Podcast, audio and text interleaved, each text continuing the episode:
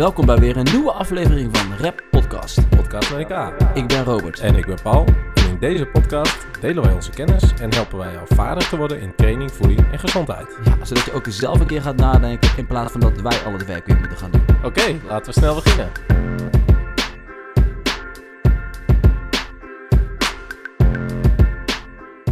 Oh ja, meestal doe ik een leuke intro van... Hey Paul, leuk dat ik er weer ben.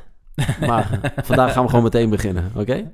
Eh, vooruit. Oké. Hey Paul, we gaan het vandaag hebben over die breaks, oftewel dieetpauzes. Maar die breaks klinkt leuker dan dieetpauzes. Dus we gaan vaker die breaks zeggen dan dieetpauzes. Vind je dat een goed idee? Ja, of DB. DB, maar dan moet ik denken aan Dragon Ball. Ja, ik ook. En als ze nog een Z erachter doen, dan Dragon Ball Z. Dragon Ball Z. Nee, jongens, ehm, voor degenen die onze podcast aflevering al hebben geluisterd, eh er komen natuurlijk verschillende onderwerpen aan bod. Maar Dat kan over voeding zijn, over training of gezondheid. Vaak hebben ze natuurlijk wel een beetje overlap met elkaar. Ik heb het eigenlijk liever over training dan voeding, maar Paul, we moeten ook een beetje jou tegemoet komen natuurlijk. ja, vooruit. Ik doe ook mee. We doen de laatste keer, dit is de laatste keer dat we over voeding gaan hebben. Ja? Nee hoor. Nee, grapje. Eigenlijk vonden we dit onderwerp wel heel logisch. We hebben al een keer een aflevering gehad over eh, energiebalans. En die stoppen we even in het voedingshoekje. Ja, dat is eigenlijk een super saai onderwerp. Hè? Een super saai aflevering. Maar goed, als je echt niks te doen hebt, dan is het misschien wel leuk om een keer te luisteren. Toch? Ik ben even onze podcast aan het promoten. Ja, ik Je merk hoort het. het, Wat, Je hoort het. wat een positiviteit. Ja, zeker. Nee, vandaag gaan we het hebben over eh die breaks. En ik denk dat die wel lekker aansluit op de energiebalans podcast. Ehm, ja, waarom dat precies is, daar kom je later achter als je blijft luisteren. Goed idee? Ja. Oké Paul, welke onderwerpen passeren vandaag de revue? We gaan uitleggen wat een die break is en wat de voor- en nadelen zijn. Welke wetenschappelijke onderbouwing is er voor die breaks? Wat zijn onze eigen ervaringen en ervaringen met cliënten? En wat is de praktische toepasbaarheid van die breaks?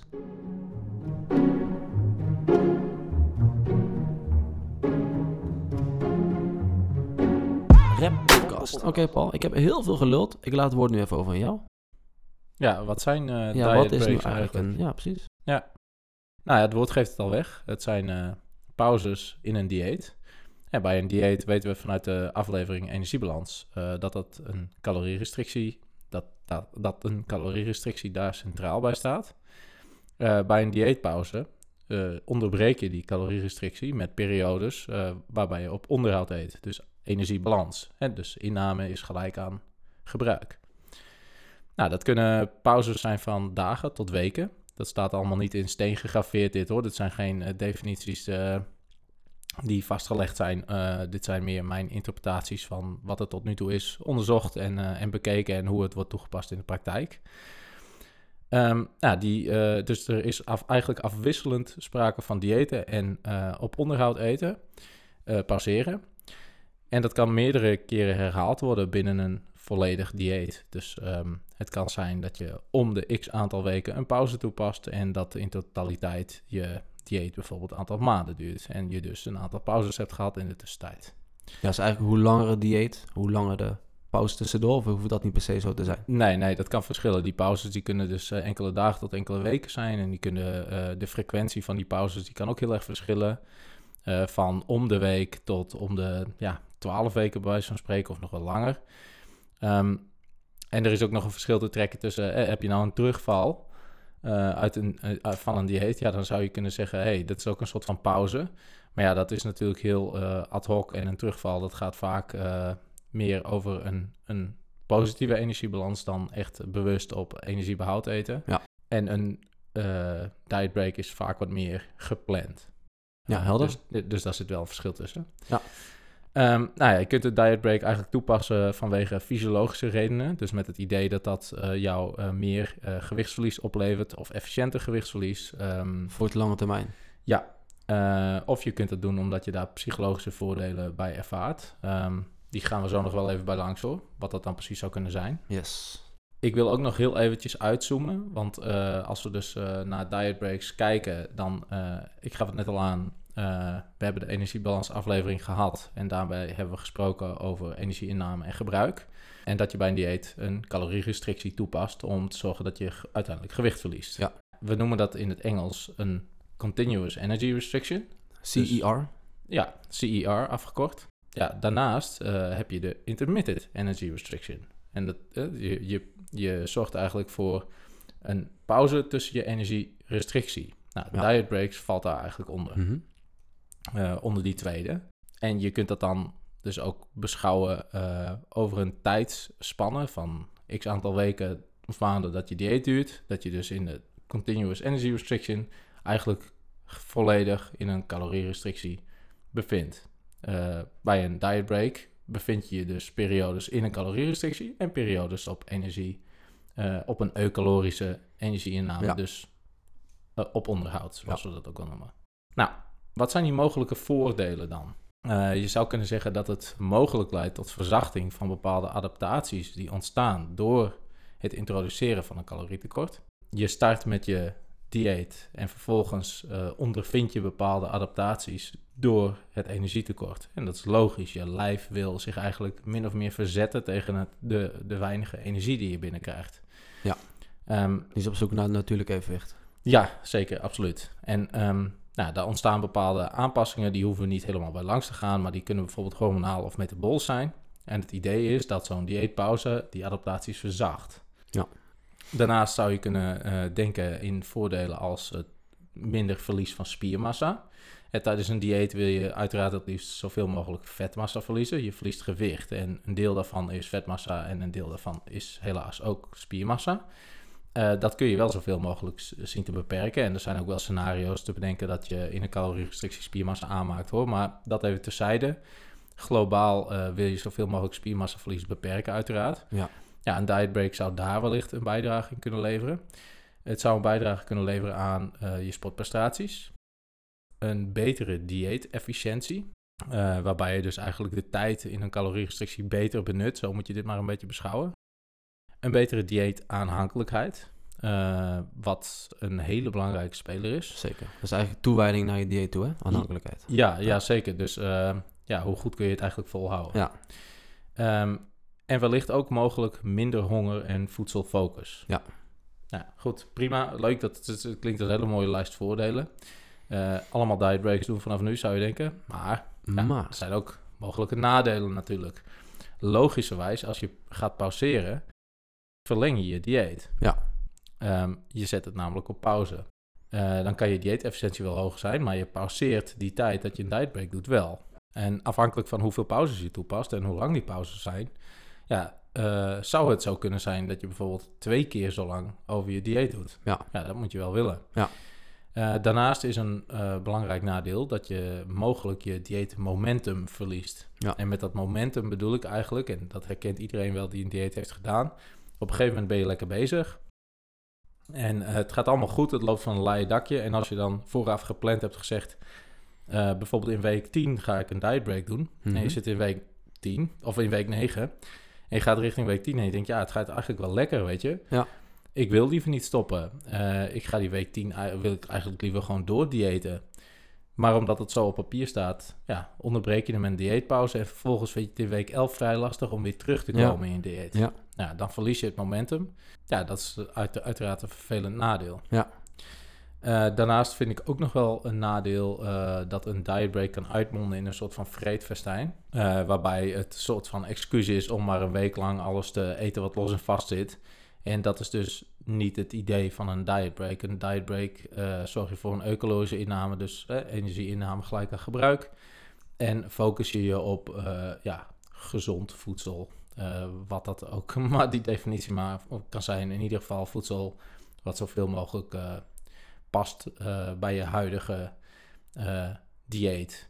Um, en niet zozeer allemaal junkfood om jezelf ja. een soort van een week lang te indulgen in alles wat je lekker vindt. Ja, precies. Kijk, je moet eigenlijk nog steeds focus hebben. En ik denk dat heel veel mensen dat niet meer hebben. Dus eigenlijk is het dat nog steeds een dieet. Alleen dan niet meer ik heb vaak wordt dieet is of een bepaalde type voeding wat je tot je neemt, of vaak wordt het ook gezegd, oké, okay, dat is eigenlijk een calorierestrictie. Je bent aan het diëten, je bent in een calorierestrictie. Maar dan, dan heb je een bepaald soort focus. En ik denk dat heel veel mensen hun focus verliezen op het moment dat ze weer op onderhoud mogen eten. Ja, en, en dan uh, gaat het vaak fout. Ja, en dan maken ze er opeens een, een, ja. een vreedfestijn van. En, en het hoeft maar een paar honderd calorieën extra te zijn. Ja. En dat is niet eens heel veel. Nee, nee, en het is ook zo dat je dan inderdaad moet nadenken over... oké, okay, ik neem daadwerkelijk een pauze van mijn restrictie... maar je neemt geen pauze van je voedingspatroon. Nee, precies. En daar gaat mensen gaan eens andere soort Ja. type voeding tot nemen Ja. met veel meer calorieën per zoveel Ja, per eenheid. ja, terwijl ze in, in het ergste geval eet je dus, als je het voedselvolume van die mensen zou meten, ehm, in, in grammen, kilogrammen per dag, eh, dan zou dat mogelijk zelfs kunnen afnemen. Terwijl ze een hogere calor- calorische inname hebben in die ja week. precies. Ja, dan is de kans ook nog eens aanwezig dat je in een caloriesurplus terecht gaat komen. Ja. Ehm, ja, want voedselvolume heeft daadwerkelijk ook wel een verzadigend effect natuurlijk. Dus Ja. daar zit wel een probleem. En dat is eh, dus wat je vaak doet, is eh, je vult eh, bepaalde, je maakt maaltijden groter, je vult ze aan, maar het gaat niet om aanvullen met pizza's en ijsjes en, en junkfood of zo. Het Nee. gaat echt aanvullen met voedingsmiddelen die je al in je dieet had zitten. Ja, ja. En natuurlijk is er ruimte voor wat lekkers in zo'n week. En eh, daar moet eigenlijk altijd wel ergens ruimte voor zijn, vind ik hoor. maar eh, ja, we weten allemaal wel het verschil tussen eh, een week lang losgaan en een week lang met je verstand een Ja, dieetpauze. Zeker. Maar zeker wel een potentieel mogelijk nadeel, absoluut. Ja, voor sommige mensen die zullen hier gewoon vatbaarder voor zijn. Zodra Ja. die de teugels mogen laten vieren, dan is het lastig voor ze om dat helemaal ehm, goed in te richten en in goede banen te leiden. Ook al is het maar een week en of bijvoorbeeld twee weken ehm, of een paar dagen. En eh, ik denk dat we die ervaring ook wel hebben gehad met mensen en dat we dat straks ook wel eh, Ja, wat even uitgebreider gaan kunnen eh, delen. Ja, zeker weten.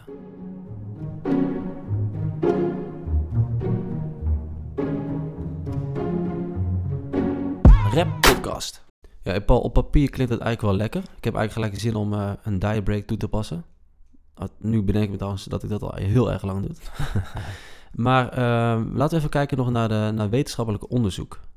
ja, Want het is niet zo eh, zwart op wit. Nee, zeker niet. Kijk, eh, het zijn, ik zeg ook mogelijke voordelen, mogelijke nadelen. En we hebben wetenschappelijke publicaties nodig om ons meer te vertellen over ja, of die voordelen daadwerkelijk eh, door de test heen komen. Ehm, en gelukkig zijn er een aantal studies gedaan. En ehm, ja, die wou ik eigenlijk een beetje bij langs gaan. Ja, leuk. Ze zijn al langer bezig hè, met eh diet breaks te bestuderen. Ja, klopt. Er is nog niet zo heel veel onderzoek, maar het is al, gaat al wel een tijdje terug. Ehm, en eh zover terug dat er in, eh, volgens mij was het 2003, een onderzoek was van onder andere Wing en Jeffrey. Ehm, en die gingen eigenlijk diet breaks niet toepassen in de zin waarop wij het eh, in deze podcast bespreken. Maar zij wilden een terugval uitlokken bij Hmm. hun participanten. Eh, en dat wilden ze dus eigenlijk doen waar we het net over hadden bij die nadelen. Door ja, mensen een diet break te geven. En dan eh, ja, hoopten ze eigenlijk zeg maar, dat ze daardoor een terugval zouden krijgen van hun dieet. Ja, dat lukte dus niet. Ze zagen eigenlijk geen negatieve effecten van die diet breaks. Ehm, dus ondanks dat dat niet de studie was die liet zien, hey, diet breaks werken, was, was het wel een studie waardoor hypotheses werden gevormd. Van hey, als het geen negatief effect heeft, terwijl we dat juist willen uitlokken, ja, Mhm. wat nou als we het zo inrichten dat het een positief effect Ja. kan opleveren? En Dat begon op een gegeven moment te leven. Ehm, en dat werd door eh, de volgende studie, de zogenaamde Matador-studie. De doder. De, De doder van de stieren. Oh, echt? Ja, tijdens een stierenvacht heb je de matador. Oh, is dat zo? En dat is degene die de stier uiteindelijk doodt. Oh, grappig. Ja, dat is niet mijn vriend. Nee. Maar goed, vertel over de studie. Ja, in dit geval is dat denk ik, hebben ze die afkorting ge- gekozen eh, voor die studie, omdat het dan, eh, dat, er is een tijd geweest dat ze in eh, wetenschappelijke studies heel graag dit soort afkortingen gebruikten en dat het dan inderdaad ook nog iets betekende. Nou ja. Ehm, maar deze studie, Matador-studie, die keek eigenlijk naar een, ehm, een eh, diet breaks opzet bij... Waarbij ze met speren naar die mensen gingen gooien. ja, en achter dat ze door stieren werden achtervolgd, zodat Ja. ze heel een hoog energiegebruik Ah, ja. hadden. Ja, ja. interessant onderzoek. Ja, bijzonder, bijzonder ethisch ook. Ehm, nee, ze keken naar eh, obese mannen.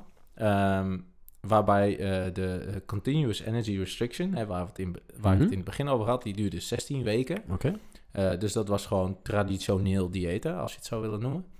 En ehm, de Intermittent Energy Restriction, waarbij diet breaks werden toegepast, die duurde 30 weken. Ja. Eh, er werden 7 diet breaks toegepast. Ja, dus uiteindelijk waren ze ook al 16 weken aan het diëten van die, van die 30 weken. Ja, eh, Ja. ja. zeker. Ja, en, eh, maar dus uiteindelijk waren ze 30 weken Ja, bezig. En bijna die- twee keer zo lang. Ja, bijna twee keer zo lang. Dus dat is direct eigenlijk al, eh, wat we zo net zeiden, wat is een potentieel nadeel? Duurt Ja. lang. Nou, dat zie je hier wel terug. Want in deze opzet met zeven diet breaks duurde dus die ehm, groep die, die diet breaks deed, deed er bijna twee, we- eh, twee keer zo lang over. Mhm.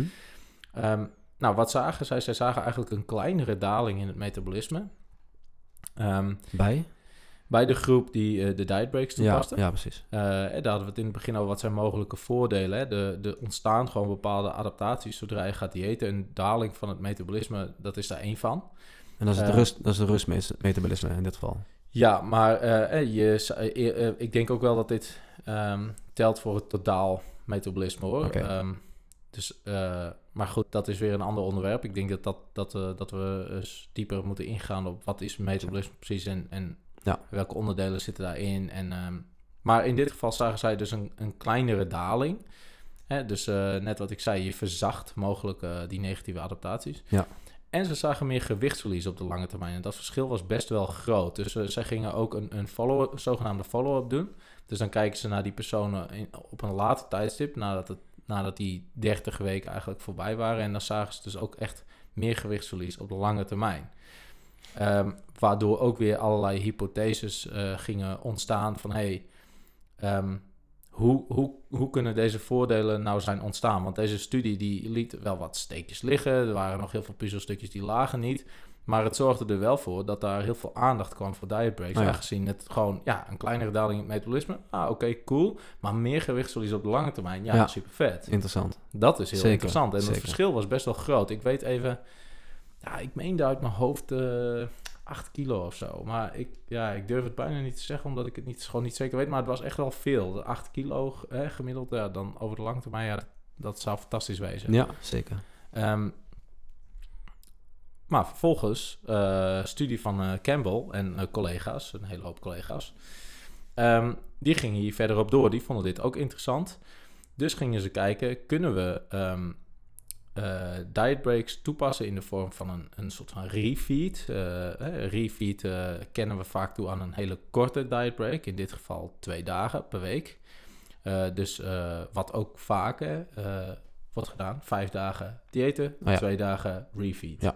En dat is een soort opzet die, eh, waarbij we straks anekdotisch denk ik ook wel langs gaan komen. Gewoon een opzet die veel gehanteerd wordt, heb ik vroeger ook wel eens gedaan. Ehm, dus die dietbreak groep die deed steeds refeeds. Ehm, en uiteindelijk hadden beide groepen, zowel die continuous energy restriction als de intermittent energy restriction, beide een 25% restrictie. Hm. Hè, dus ehm, de dagen dat die eh luidjes in die dietbreak groep aan het diëten waren, waren ze dus iets scherper aan het diëten. Anders kun je niet Ja, evenveel nee, restrictie hanteren. Ja. Eh, daarnaast deze krachttraining, wat ook belangrijk was. Hè, eh, die Matador-studie ging over obese personen. Dit ging over mensen die dus aan krachttraining deden. Ehm, nou, wat zagen zij? Ze zagen eigenlijk het, het beter behoud van droge vetvrije massa. En dat droge, dat is belangrijk, want in eerste instantie was het en vetvrije massa en droge vetvrije massa. Maar een andere onderzoeker die destijds ook al bezig was met diet breaks, eh, eh, Pios, ehm, die schreef een eh, zogenaamde letter to the editor. En dat kun je doen als iemand een, een studie publiceert. ehm, dan kun je ook ja, een, een brief sturen naar aanleiding van die studie met jouw zorgen of met ander bewijs. ehm, en die wordt dan ook gepubliceerd. Nou, Ja. dat gebeurde in dit geval. Er was wat discussie over statistische methodes die zijn gebruikt in deze studie. Ehm, ik heb dat wel allemaal bekeken. Ja, het, het, het, het zijn net even verschillende visies hoe naar die statistiek wordt gekeken. Om nou per se te zeggen dat het goed of fout, dat weet ik niet. Ehm, de titel eh, van deze studie ging over vetvrije massa, niet over droge vetvrije massa. En daar zit wel een punt. Oh ja. Eh, dus uiteindelijk is de conclusie: het kan droge vetvrije massa mogelijk behouden. Goed. Niet eh, super veelbelovend, maar ja, toch nog steeds wel een soort van lichtpuntje. Dat je denkt, nou ja, daar zit nog wel wat. Maar die Pios, die was dus ook met zijn studie bezig. Nou ja. De, de zogenaamde IceCap trial. Hier hebben we alweer een afkorting. Ehm, en daar ging het om een eh, continuous energy restriction van 12 weken. Dus het standaard protocol 12 weken, de intermittent energy restriction, met drie diet breaks, duurde 15 weken. Ja. Een opzet die denk ik al wat aantrekkelijker is qua duur. Ja, En zeker. dus drie weken langer, maar zo het overzien. Ja. Eh, ook hier ging het bij personen die aan krachttraining doen. Ehm, en zij zagen echt totaal geen verschillen in dieetsucces. En ook niet metabolisme. En ook niet vetvrije massa. Ehm, en dit was een hele goed opgezette studie. Dat wil ik daar wel even bij vermelden direct. Eh, het verschil in honger eh, en een, een bepaald hongerhormoon, ehm, dat zagen ze wel. En ze zagen ook een niet statistisch significant verschil in drop-outs. Eh, en we hadden het over dieetaanhankelijkheid. En dan moet ik ook altijd denken aan drop-outs. Want ja, hoeveel mensen stoppen zeg maar met jouw studie omdat ze het een vervelend proces vinden. Hè? Mensen melden zich normaal gesproken natuurlijk aan voor een studie om mee te doen met intentie om mee te blijven doen. Ja. Maar het is moeilijk om mensen te werven. Niet iedereen staat te springen om mee te doen aan zo'n studie. Dus daar haken ook wel eens mensen af. Nou, drop-outs. Ja, zeker bij 30 weken is het toch minder aantrekkelijk Ja, dan zeker. 12. Ja, en, maar in dit geval eh, had je dus eh 15 en 12 weken. En eh, moet je dus nadenken over als je dus eh, steeds een calorierestrictie hanteert. En je vindt het echt verschrikkelijk om die calorierestrictie te hanteren. Dan zouden diet breaks mogelijk dus dat kunnen verzachten. En Ja. dat je dus een betere dieetaanhankelijkheid hebt. Nou, eh, ze zagen een verschil in dropouts, maar dat was niet statistisch significant. Dus ja, daar kun je iets van vinden. Dat, dat, dat vind ik het waard om te benoemen. En Ja, meer dan dat is niet. Maar dus eh, ook echt totaal geen verschillen op basis van die eh, belangrijke factoren als dieetsucces, metabolisme en vetvrije massa. Wel dus in dat honger, eh, in honger en dus mogelijk dus ook een beetje in dieetaanhankelijkheid. Ja, wat zeker. samen kan, zou kunnen lopen met dat honger. Absoluut. Ehm, ja, deze studies, er is volgens mij recent is er eh, nog een studie geweest. Ehm, die heb ik hier niet in meegenomen, omdat ik hem volgens mij nog niet volledig in kon kijken. Ehm, maar deze studies die hebben eigenlijk eh, de basis gelegd voor eh, ja, onze conclusies nu. En eh, ja, hoe we naar diet breaks kijken. En ja, dat is dus nog maar een handjevol studies. Ja. En daar moet zeker nog wel meer onderzocht worden. Dat is eigenlijk altijd de conclusie, hè? ongeacht hoeveel er zijn. Ja, vaak Nee, wel. Ja, nee, kijk, bij creatine bijvoorbeeld kun je wel zeggen, Ja, dat, dat je, dat hoeven we niet meer verder te onderzoeken. Bij bijvoorbeeld aspartaam en nu niet allemaal schrikken, hoef je dat ook eigenlijk niet meer verder te onderzoeken. En ehm, dit is zoiets, ja, er zijn een paar studies en eh, ze hinten een bepaalde kant op, maar ja, niet allemaal. En een goed gecontroleerde studie laat eigenlijk bijna niks zien. Eh, dus ja, wat moet je hier nou mee? Ik, ik denk eerlijk gezegd eh, dat als je naar deze studies kijkt, dat de kans dat, dat hele grote fysiologische effecten worden gevonden bij mensen die aan krachttraining doen, dat die kans vrij klein Hmm. En eh, dat het dus eh, eerder naar mentale effecten zal gaan. Ja, ja, ja. En dan dus meer richting die dieetaanhankelijkheid en bijvoorbeeld hongermanagement. Ehm, en ehm, ja, ik, ik denk dat straks in de, in de, in de, als we de conclusies echt voor de praktijk bespreken, dan kunnen we nog wel even kijken hoe we dit, eh, hoe we deze onderzoeken uiteindelijk kunnen filteren naar praktische adviezen. Ja. Ik wil ook niet op de, op de feiten vooruitlopen nu al. Ehm, maar dat is denk ik wat we nu kunnen concluderen uit wetenschappelijk onderzoek. Nou, Dus ja, er is meer nodig. Eh, de kans dat het echt fysiologische voordelen oplevert, acht ik niet zo heel groot. eh, maar die ja, mentale voordelen zijn interessant.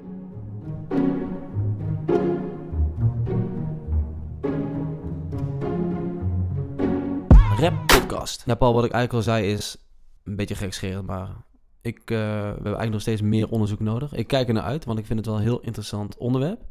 Nou goed, jij en ik hebben allebei ervaringen met eh, onszelf en met cliënten. Dus misschien is het een leuk moment om even te delen. Ja. Eigenlijk op basis van jouw eigen ervaringen, zou je dan een diet breaks, als je niet naar de studie zou kijken, zou je dan diet break willen adviseren voor jouw cliënten? Ja, in het verleden heb ik dat sowieso wel gedaan en ook bij, bij mezelf. Eh, meer op onderbuikgevoel ook, om ehm, dat het voor mij al vrij snel een soort van mentaal voordeel eh, op leek te leveren in mijn, eigen, in mijn eigen dieet. Gewoon heel even een pauze. Ehm, maar ik weet niet of ik dat per se eh, altijd proactief zo zou doen en gepland. En dat heb ik in het verleden wel eens gedaan. Mm, ben daar niet super enthousiast over. Hoe, hoe, hoe, hoe- heb, jij, heb jij wel eens diet breaks toegepast Ja. bij jezelf? Ja, dit is, dit is een heel interessant onderwerp. Want ik denk proactief en op basis van gevoel. Daar valt nog, dat is wat moeilijker bij cliënten dan bij jezelf. Omdat je weet niet wat iemand doormaakt. Hè, je Nee. kan wel, die kan wel zijn ervaring delen, maar je weet het toch niet echt. Nee. Bij jezelf weet je dat wel heel goed. Ehm, mijn ervaring is dat ik ten eerste echt een paar keer op mijn bek heb moeten gaan om te weten wat voor mij werkt.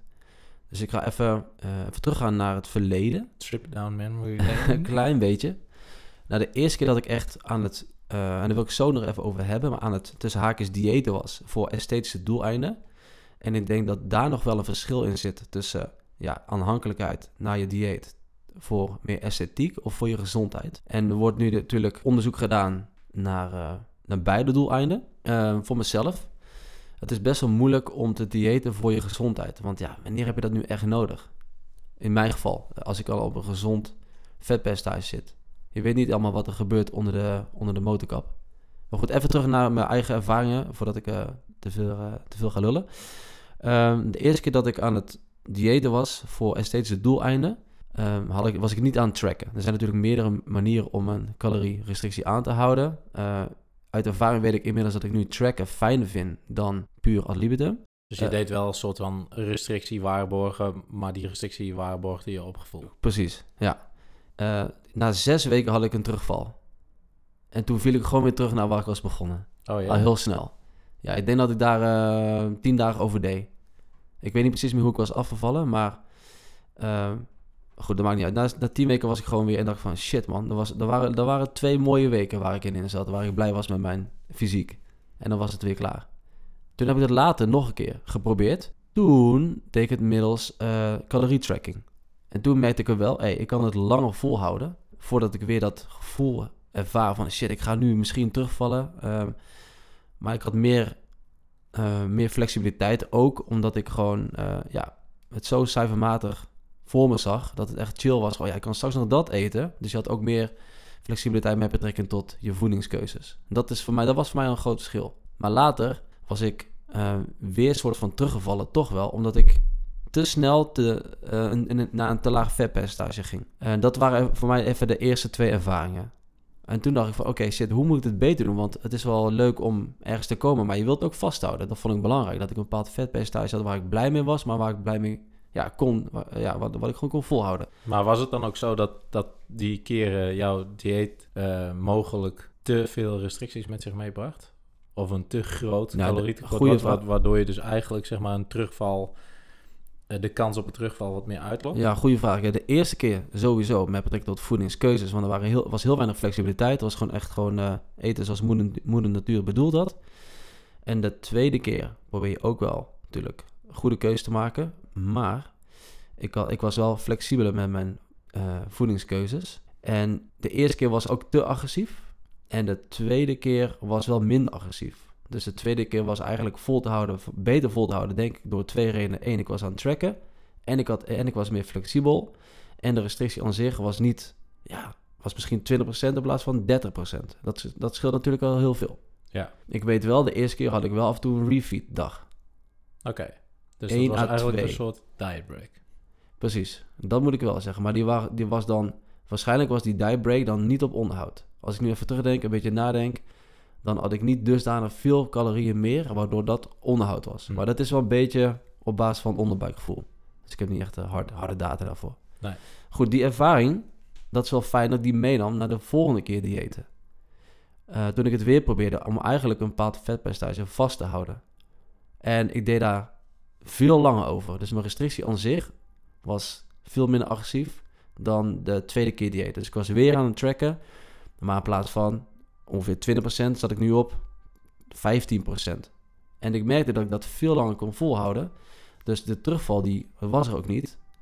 Tot ik een bepaald vetpercentage had. Waardoor ik weer dacht, oeh, nu krijg ik echt moeite om dit vast te blijven houden. En ik moet wel zeggen, het was nu wel eigenlijk puur voor esthetische doeleinden. En ik had een, ik was aan het eh diëten voor een wedstrijd. En die wedstrijd was nog heel ver weg. Dus ik was eigenlijk al te vroeg aan het pieken. Waardoor ik dacht van, oeh, dit vast blijven kunnen houden, dat, dat werkt niet voor mij. Mijn, mijn, sweet, mijn sweet spot van eh, eh, lekker, in mijn vel, eh, lekker in mijn vel zitten, niet te veel dieetfocus, dat zit nog iets hoger. Als we puur even kijken naar gewicht. Ik kwam van 85 naar 77. Maar ergens bij onder de 80 ging mijn lichaam al een beetje haperen. Van, oh ja, shit man, dat wordt nu wel pittig voor mij. Maar ik kon het volhouden, want ik had echt een stip op de horizon gezet. Dus dat werkte ook al voor mij. Maar uiteindelijk was die stip op de horizon dusdanig, stip op de horizon dusdanig ver weg, dat ik toch weer terugviel naar 80, 81 kilo in een korte tijd. Toen kon ik het wel vol blijven houden.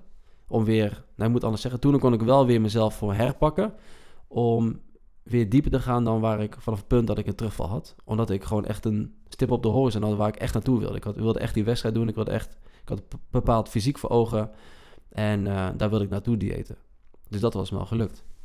Maar wat waren uiteindelijk dan uh, de signalen waaraan jij merkte op, op het punt dat je op, op zeg maar onder die 80 kilo dook van hé, hey, ik merk dat ik uh, weerstand begin te krijgen hier te tegen het dieet, tegen de restrictie? Ja, goeie. We hebben het gehad over fysiologische en ja, men mentale argumenten daarvoor. En daar waren, het was ook tweeledig in mijn geval. Ik merkte dat ik gewoon ja, minder veel ging bewegen. En dat merkte ik op een gegeven moment ook van... Hey, waarom ga ik nu tegen deze lantaarnpaal aanstaan... terwijl ik sta te wachten op, uh, op tot het stoplicht groen gaat. En ik merkte, hey, dat doe ik normaal nooit. En er waren allemaal van die kleine dingetjes... waar je normaal onbewust mee bezig bent. Of sorry, ja, je bent er niet bewust mee bezig. Je hebt niet eens door dat je doet. En op een gegeven moment werd ik daar best wel bewust van... hey, ik doe nu dit terwijl ik normaal dat niet doe.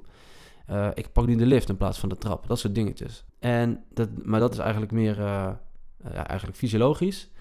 En mentaal gezien was ik gewoon op een gegeven moment veel meer met voeding bezig. Ik keek meer uit naar het volgende punt dat ik weer kon eten. En dat, dat vind ik heel irritant. Ja. Dus dat af en toe het lichaam wat hapert, zo van... Mm, uh, ja, je metabolisme gaat wat omlaag. Dat is, dat is oké, maar dat je meer food focus wordt, dat vind ik heel Ja. vervelend. Ja. Daarin ligt voor mij vooral die aan- aan- aanhankelijkheid. Gewoon uh, ja, er niet zoveel mee bezig zijn. Ja. Nou, maar goed, wat heb ik hier nu uit geleerd? Is dat ik... Kijk, ik was toen aan het trainen voor een... Uh, voor echt voor uh, esthetische doeleinden. Ik had een bepaald fysiek voor ogen. En dat wist ik ook, dat ga ik niet volhouden. Dat hoeft ook niet, want het is voor een wedstrijd. Het is even pieken en dan weer eruit qua vetpercentage. Maar mijn zogenaamde sweet spot ligt voor mijn gevoel uh, op dit moment hoger dan die zou hoeven te zijn. Dus even heel simpel, 85 kilo is waar ik een beetje op zit. Ja, dan, dan ben ik wel oké, dan kan ik goed presteren in de gym.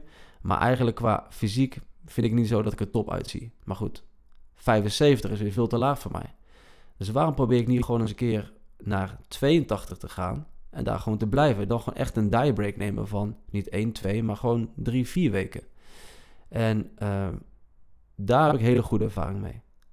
Dus bij die 85 kilo ben ik helemaal niet food focused. Kijk in de spieren en denk van, oké okay, Robert, het is niet echt nodig, maar ik voel me wel gewoon goed. Maar eigenlijk wil ik dat gevoel nastreven op een iets lager vetpercentage. Dat ik gewoon nog steeds heb, oh ja, ik voel me top, ik heb een goede prestatie in de gym. En als ik in de spiegel kijk, dan ben ik ook tevreden. En ik vind mezelf het beste uitzien wanneer ik echt een heel laag vetpercentage heb. Maar dat is gewoon heel moeilijk voor mij te maintainen. Dus dat moet ik accepteren. Waarom probeer je niet gewoon op die 280 te blijven? En dat is me inmiddels nu gelukt. Um, door gewoon heel langzaam daar naartoe te gaan. En nu voelt het alsof ik zeg maar 85 kilo ben. Mijn vorige 85. En dat is nu mijn nieuwe 82 geworden. Dus eigenlijk ben ik nu al heel lang een die break aan het nemen. Ja, soort van. dus eigenlijk is het geen, is die break is een gewoon hij is nu klaar. onderhoud geworden. Precies. En uh, ook wel met het, met het uh, ja, naar de toekomst kijken. Van ik wil wel weer een keer wat lichter wegen. Omdat het waarschijnlijk straks functioneel is met een andere wedstrijd die ik ga doen. Oké. Okay. En dan hoef ik niet zo ver diep te gaan weer. Weet je, van die 85 naar, laten we zeggen, 80. Ja, is wat vervelender dan naar, van 82 naar 80. Ja. En nu voelt het voor mij ook gewoon heel natuurlijk weer om op 82 te zitten. Terwijl eerder was het 85 naar ja, 78. Oh ja, shit, moeilijk. Je gaat weer omhoog naar 85. Dan moet je soort weer van opnieuw beginnen. Uh, maar goed, dus eigenlijk niet helemaal antwoord geven op de vraag. Omdat het gaat meer om de journey ernaartoe. Um, maar eigenlijk is het een soort hele lange journey met een hele lange diebreak. Ja, voor mij. Dat dus uh, eigenlijk geen diebreak meer is. Eigenlijk niet. Maar, gewoon maar, nieuwe... maar dan moet ik iets genuanceerder zeggen. Zeg maar van die 85 naar die 82 heb ik ook gewoon heel relaxed aangedaan. niet ge, per se geplande refeeds, maar weten van... hey, ik kom wel uiteindelijk op die 82. 82 is geen magisch getal voor mij, maar ik weet van... hey, dan ben ik ongeveer, zie ik ongeveer zo uit. En dan ben ik tevreden mee. Eh, kijk, normaal deed ik daar eh, drie, vier weken over. En nu heb ik daar gewoon, ja, ik weet niet meer, zeg maar acht weken over gedaan. Een weekje restrictie, twee, drie, vier dagen niet. Een weekje restrictie, ja, een week niet zelfs. Ja, geen reden, ik weet niet meer precies de reden waarom dat zo was. Maar uiteindelijk ben ik daar wel gekomen door wel gewoon heel rustig daar naartoe te gaan.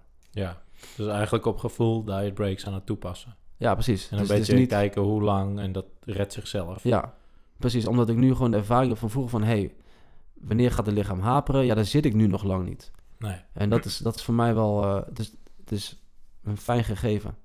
Oké, en dit is jouw eigen ervaring. En hoe zit Ja. het bij eh, cliënten die jij hebt eh, begeleid of die je begeleidt? Ja, goeie. Kijk, dus, wat je net al noemde is... eh, het is een beetje tweeledig. Want als iemand een soort van lekker in zit... die heeft een restrictie... dan wil je, en die zit er goed in... dan wil je hem ook niet zomaar eruit halen. En ik heb meerdere mensen... Het is, nou laat ik het zo zeggen... echt voor esthetische doeleinden... mensen moeten op het podium... dan kunnen mensen... dan hebben ze echt een hoge... zeg ik dat goed? Een hoge aanhankelijkheid... naar een dieet toe. Dan hebben ze gewoon een stip op de horizon... dan kunnen ze makkelijk vasthouden aan een restrictie. Dan ga ik het niet vooraf plannen. Omdat eigenlijk pas... Ja, tot het moment dat ze tevreden zijn met hun fysiek. Dus ja, laat ik het zo zeggen, ik doe dat niet per se vooraf plannen. Bij, bij mijn meeste cliënten. Zeker niet als zij echt harde doeleinden hebben. Waar ze echt aan kunnen vasthouden. Die zij autonoom hebben, voor zichzelf hebben gepind op een agenda. Van dan, dan moet ik er klaar voor zijn. En ik moet daarvoor een restrictie aanhouden. En dan is het voor mij als coach makkelijker om ze niet eh, een diebreak toe te laten passen. Tenzij er echt signalen zijn uiteindelijk. Het is, ik zeg niet dat ik het nooit heb gedaan. Hè? Nee. Tenzij er echt duidelijke signalen komen van ja, het is nu wel nodig. En wat zijn die Ja. signalen? Eh, ja, het kan meerdere dingen zijn. Op een gegeven moment hebben ze geen eh, menstruatie meer. Nee, grapje. Ehm, ja, dat kan zijn. Ja, dat, dat is wel een... zou een ding kunnen zijn. Daar Ja. heb ik gelukkig geen eh, negatieve ervaring mee. Maar ehm, Dan ben je waarschijnlijk al te laat. ja, precies, ja. ja. Nee, dan is het gewoon de prestatie in de gym gaat wel achteruit. eh, toch wel wat meer vermoeid in general gedurende een dag. Dan is het wel even fijn om een dieet break te nemen, diet break te nemen. En daar is dan meestal ook de tijd voor, omdat we op tijd zijn gestart met eh, de calorierestrictie. Dus kijk, we hebben het over die 12 of 15 weken of 16 of 30 weken eh ja, dieet, noem ik het maar even. Ja. Ik vind het wel relaxed om wat eerder te beginnen met eh, restrictie. Omdat je dan meer flexibel kan zijn. En dan ook de klant zelf kan laten bepalen van... Hey, ik denk dat het wel even chill is om nu een diebreak toe te passen. Ja. In plaats van dat de coach het oplegt. En we zien ook, hè, dat kan negatieve ervaring met ze meebrengen. Ja. Maar als ze er zelf hebben gekozen... Ja, dat wil niet per se zeggen dat het dan weer makkelijker is... als ze na een week weer gaan beginnen. Maar dan, dan is de keuze in ieder geval wel bij hun geweest. Ja. Daar heb ik wel goede ervaring mee. Ik vind dat wel anders, zeg maar. Dus diëten voor gezondheid en ja, diëten voor esthetische doeleinden. Ja. Want het is een beetje vaag natuurlijk. Je weet niet helemaal wat er gebeurt onder die motorkap. Zeker, je ziet het wel in de spiegel. Obese mensen zijn natuurlijk over het algemeen... Nou, je hoeft niet per se ongezond te zijn... maar hè, je hebt wel grotere kans op bepaalde ziektes. Doe ik het even simpel. Maar dat is wel wat... eh, ja, vanaf, wanneer ben je, vanaf welk punt ben je dan wel gezond? Vanaf welk week van diëten? Dus ja. dat, is wat, dat vind ik wat anders. Ik heb ook mensen begeleid, dus obese mensen begeleid. En daar zou ik eerder eigenlijk pleiten voor diet breaks. Omdat ik denk, en dat is wel een beetje op, op mijn eigen ervaring, omdat het wel psychologisch echt wel veel voordelen met zich mee kan brengen. Want uiteindelijk wil je toch wel weer naar een calorie, eh, sorry, dan wil je uiteindelijk wel weer op onderhoud eten. Toch? Ja. ja, zeker. Ja. En het liefst op een vetpercentage wat dan gezond is voor die persoon. Ja. En, maar dan leer je wel weer om op onderhoud te eten. Ja. En dat, is, dat vind ik een groot voordeel. Ja, dat is denk ik een hele goeie. Want En dat vind ik anders dus dan bij esthetische doeleinden. Ja. Ja, kijk, en esthetische doeleinden zijn uiteindelijk op een gegeven moment...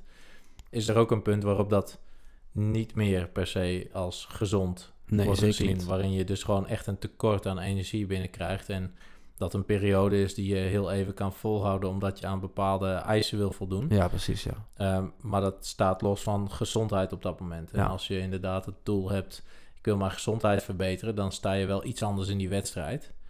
Maar ik denk dat je een hele goede aansnijdt wat dat oefenen van eh, eucalorisch eten eh, op onderhoud. Dat zou je ook kunnen zeggen, hey, dat komt uit die Matador-studie naar voren. Want die eh, obese mannen die hadden dus een groter gewichtsverlies op de lange termijn. Ja. Hoe kan dat nou? Ja, mogelijk. Hè, dat zijn, dit is puur speculatie, maar mogelijk is dat omdat zij ervaring hadden met het oefenen van op onderhoud eten. Ja, Want dat precies, hadden ze ja. namelijk best veel gedaan. Hè? Wat, wat, dat, dat was die 30 om 16, 16 weken. Ja. Dus die mannen die hadden best kunnen oefenen om op onderhoud te eten. En die kennis hebben ze wellicht eh, mee kunnen nemen in die periode daarna. En daardoor hebben ze mogelijk hun gewichtsverlies kunnen behouden. Ja. Ja, dat zijn allemaal mo- mogelijk, mogelijk. Maar ehm, ja, ik, ik vind dat wel logisch. En het is ook wel iets wat ik zelf eh, eh, toe zou passen. Zeker bij iemand inderdaad die een hoger startgewicht heeft. Om, omdat je die in een soort van nieuwe situatie wel wil laten wennen aan... hey, wat kun je allemaal als je meer voedsel krijgt? Zeker bij personen die een hoge voedselfocus hebben. Dat die dan Ja. zeggen, ja, ik merk dat ik gewoon heel erg eh, eh, eh, veel richt op voedingsmomenten en, en op, op bepaalde voedingsmiddelen. Ja, wat nou als je die gaat introduceren? Ga je dan helemaal loesoe? Dan is dat niet handig, dus zouden we daarmee moeten oefenen. En dan kun je al oefenen tijdens je dieet. Ja, dat lijkt me best een mooi scenario. Ja, eens. Wat zijn jouw ervaringen met de klant? Heb je het wel eens op verschillende manieren aangepakt ook? Ja, zeker. En ik heb het voor mezelf ook wel op verschillende manieren aangepakt hoor. En ik, ik, ik allereerst voor mezelf ehm, heb ik een, een paar keer een, een wat langer dieet gedaan. En eh, op een gegeven moment merkte ik zelf dat ik ehm, niet meer een dieet aan het hanteren was. Dus geen restrictie meer aan het hanteren was, moet ik zeggen. Ehm, dat kwam omdat ik, oh, even dit. Oh, even dat. Eh, even, oh, even dit eten. Oh, we gaan ook wat eten. Ah, deze dag. eh, zo, zo begon ik. En dat werd dan zoveel dat ik dacht, hé, hey, wacht eens Paul. ehm, dit is geen dieet meer. Nee, je staat stil. Ja, je bent aan het stilstaan. Beter doe je dit op een wat meer gecontroleerde manier. Eh, want blijkbaar ben je eraan toe. En ehm, nou, dat, dat deed ik dan. En dus dat was vrij reactief. En misschien in sommige gevallen net wat te laat. Dus begon ik die signalen beter te eh, herkennen. En op een gegeven moment begon ik dat ook wat meer planmatig te doen. Nou ja. Eh, en dan had ik hem, als ik hem gepland had staan en ik dacht, ik kom eraan en het verpest mijn momentum. Ja, dan haalde ik hem er weer uit, als Ah, het ja. ware, uit mijn planning. Ja. Eh, dus het stond voor mij niet in steen gegraveerd. En zo heb ik dat al snel ook wel bij cliënten gedaan. En ook geluisterd naar, hey, eh, hebben zij heel veel voedselfocus? Eh, praten ze heel veel over voeding? Ehm, klagen ze over heel veel honger? Dan is niet mijn eerste eh, reactie, oh, diet break. Maar meer honger dan welke voedingsmiddelenkeuzes worden gemaakt, et cetera, voedselvolume. Maar als voor een tijdje aan zou houden, of iemand begint echt te stagneren, ja, dan denk ik van oké, nu kunnen we verder doordrukken met een grotere restrictie of wat dan ook. Of we kunnen gewoon heel even de teugels laten vieren. En dan is het wat mij betreft heel erg individueel eh, wanneer ik het een, voor het een kies en voor het ander. Ja. En dat is dus niet op basis van één parameter. En ik denk ook niet dat, eh, dat we dit antwoord ooit echt goed uit studies gaan krijgen, omdat het gaat over gemiddeldes. En eh, ja, we zijn geen gemiddelde mensen. En we zijn allemaal individuen en we hebben allemaal wensen en behoeftes. En bij het ene individu merk je gewoon, deze heeft meer last van voedselfocus.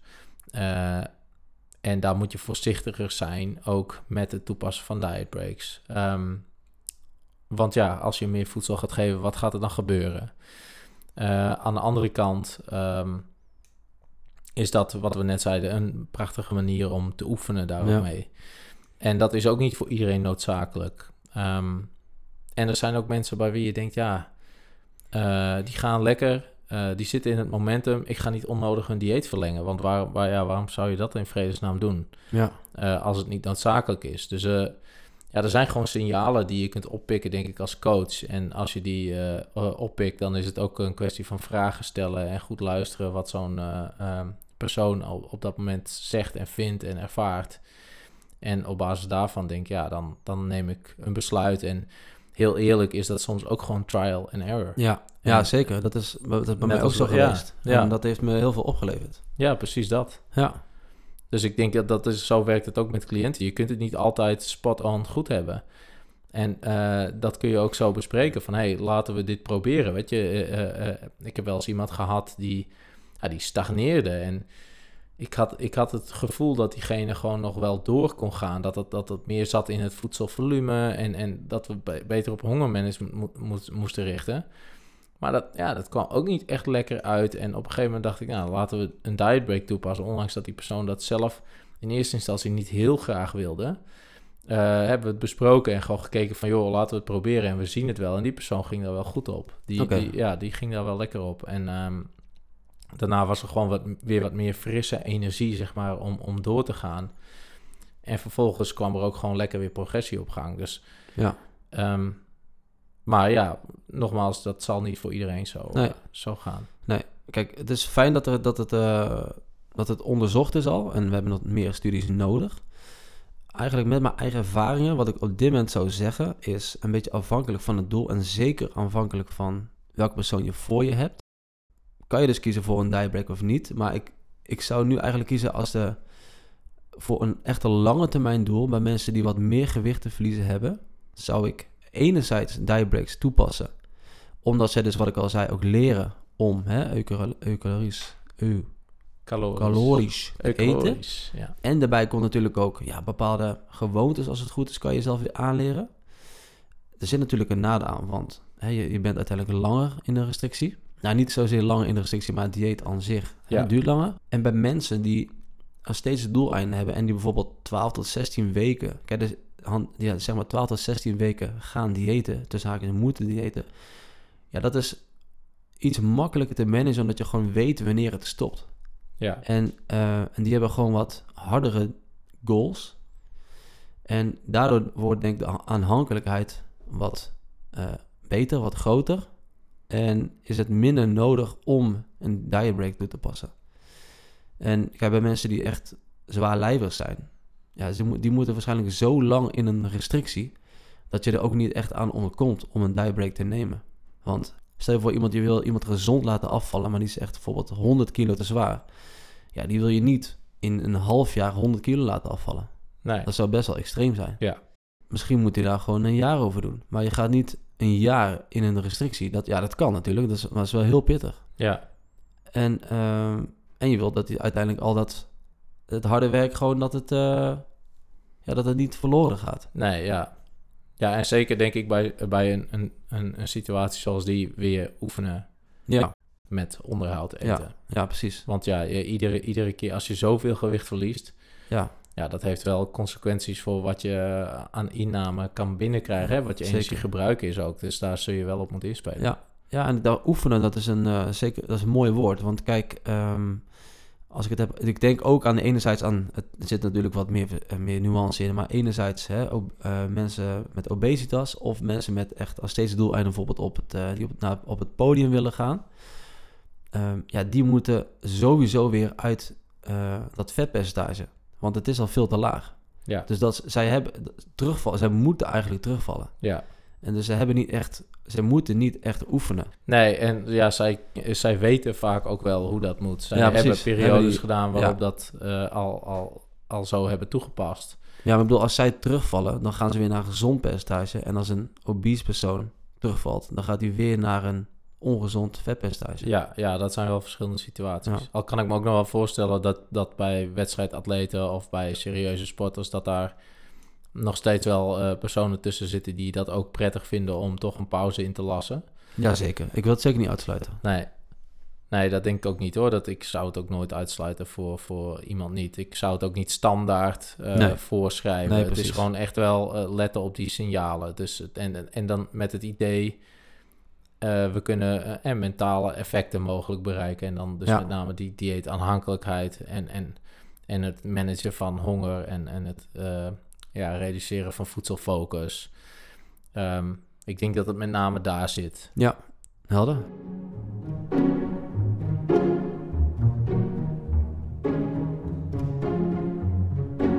Rap Podcast. We hebben het al een beetje gehad over de praktische toepasbaarheid van diabreaks. Maar misschien wil je daar nog iets over zeggen. Ehm, nou, ik denk uiteindelijk dat meer de. Ik denk dat we die wel redelijk hebben besproken. Ehm, kijk, als mensen zelf nu eh, zitten te luisteren en een, en een dieet eh, aan het starten zijn. ehm, of eh, al een tijdje bezig zijn of nadenken over een, een dieet. Ja, wat zou je tegen die mensen willen zeggen? En ik denk dat ik dan zou zeggen, let op signalen van jezelf. eh, waarbij je dus inderdaad veel voedselfocus hebt. ehm, extreem veel honger tijdens je dieet. Dat het dan mogelijk eh, tijd is voor een dietbreak. Ja. En schroom ook niet om dat te proberen. Het is niet erg om dat te proberen of zo. Het is niet zo dat je daarna helemaal terug gaat Nee. vallen als je dat gewoon netjes plant. Ehm, ik zie daar niet per se heel veel negativiteit in, anders dan dat het dus iets langer duurt. Als je dat niet erg vindt, dan is zoiets prima te proberen eh, op het moment dat je denkt dat het nodig is. Kijk, als jij eh, een, een dieet gaat hanteren waarbij je een eh, restrictie toepast van 1500 calorieën per dag, dan kun je een week later al een dietbreak gaan doen, want dat is niet, dat is niet te doen. Nee, klopt. Ehm, dus wees ook realistisch in wat je kunt bereiken en wat, je, wat een logische dieet is voor je met een logisch tijdspad. Ehm, en dan is het dus niet noodzakelijk om diet breaks te doen. Dat hoef je niet voor op te zetten met geplande eh, breaks onder zoveel x weken. Ehm, let op signalen en eh, verleng niet onnodig je, je dieet. Nee. Maar daarin is al wel de opzet van je, van je plan is belangrijk. Dus even heel simpel gezegd. Kijk, wat je al zei, de, de kans is groter dat je een break nodig hebt als de calorieinname heel erg laag is. Ja, Toch? Dus dat, dat is al een, denk ik, belangrijk dat je dat het, dat het opgezet, het vooropgezet plan moet al goed zijn. ja, Anders eh, heb je al zo'n grotere kans dat het misgaat. Ja, ja, en sowieso een heel eh, groot, eh, grote energierestrictie zorgt er ook voor dat de kans groter is dat je spiermassa verliest over de Mhm. termijn. Ja. Ehm, eh, ja, veel grotere kans op voedselfocus, op honger. En da- dan krijg je dus dat soort signalen van je lijf. En dan zul je dus ook merken dat je behoefte hebt aan een pauze. Ja. En dan kun je zeggen, nou, dan is dat een manier. Want dan ga ik gewoon hard in en dan pauzeer ik. Maar ja, daar verleng je dus de tijd mee. En ik denk eerlijk gezegd dat als je dat, dat, als je dat naast elkaar legt met gewoon een eh, continuous energy restriction, dat je daar niet veel voordelen op gaat zien Nee. eh, als je dat op die manier. Nee. Ook niet qua, qua, qua eh, efficiëntie of zo. Nee. Uiteindelijk is de conclusie niet, doe, doe het wel of doe het niet. Nee, het hangt van de context af. En Ja. dat is natuurlijk met heel veel dingen. Dus dat is misschien wel vervelend. Ja, heb ik nou wel of niet een concreet antwoord? Ehm, ja, nee, ja, dat hebben we in dit geval gewoon echt niet. Eh, omdat we niet mensen in een bepaalde eh, situatie willen drukken. Nee. Toch? Nee, klopt. Eens. En ik denk dat het goed is om ja, ervaring op te doen om te kijken van wat werkt voor jou. Ja. ja, er is helemaal niks mis met trial and error in dit Nee. geval. Dus eh, ja, zoek, zoek dat eh, lekker uit. eh, kijk wat, wat prettig is. En, en dat hoeft niet te betekenen dat dat voor andere mensen net zo prettig is als voor jezelf. Dus ik sta Nee. me daar ook niet blind op. Want als ik nu een, een dieet zou toepassen voor lange termijn... dan zou ik het waarschijnlijk voor mezelf wel weer gaan toepassen... omdat ik in vorige situaties daar, dat, dat prettig vond. Ja. Maar dat zorgt er niet voor dat ik blind ben voor anderen. Nee. Dat ik denk, oh, dan moet ik dat overal doen. Nou Ja, is dat voor precies, iedereen precies. interessant. Daar Ja. gaat het vaak een beetje mis, denk ik. En voor, voor, voor de zekerheid nog met dieet bedoelen we niet per se een bepaald concept van iemand, hè, maar, maar meer eh, ja, eigenlijk een calorierestrictie aanhouden Ja, op basis van je huidige voedingspatroon. ja, En natuurlijk wellicht moet je wat dingetjes eh, laten liggen, omdat die wat onhandiger zijn. Als ze niet zo veel voor maagvulling zorgen, maar wel voor veel calorieën. ja, zeker. Ja, kijk, het, het zijn altijd restricties. Je krijgt, met, Uiteindelijk. met, je krijgt altijd met restricties in je voedingsmiddelenkeuzes te maken. Ja. Dat is gewoon zo, als je een Ja. dieet start. Nou goed, jij eet gewoon iets minder aardappelen en minder wortelen. Toch voor jou verandert er niks. ja, toch tussen 3700 calorieën en 2100? Ja, jij eet gewoon 4 kilo minder aardappels. Toch? Ja, nee, Ja. zoveel aardappels eet ik denk niet meer. Oké, Paul. Aardappels is wel een hele goede manier om... Ja. eh, is heel verzadigend. Hoge Veel voedselvolume. Ja. Zeker. Ja, Dus eh, haal aardappels niet uit je voedingspatroon. aardappel. En, Dat is de eh, conclusie van deze ja. podcast. Nou, dan zijn we klaar. ja.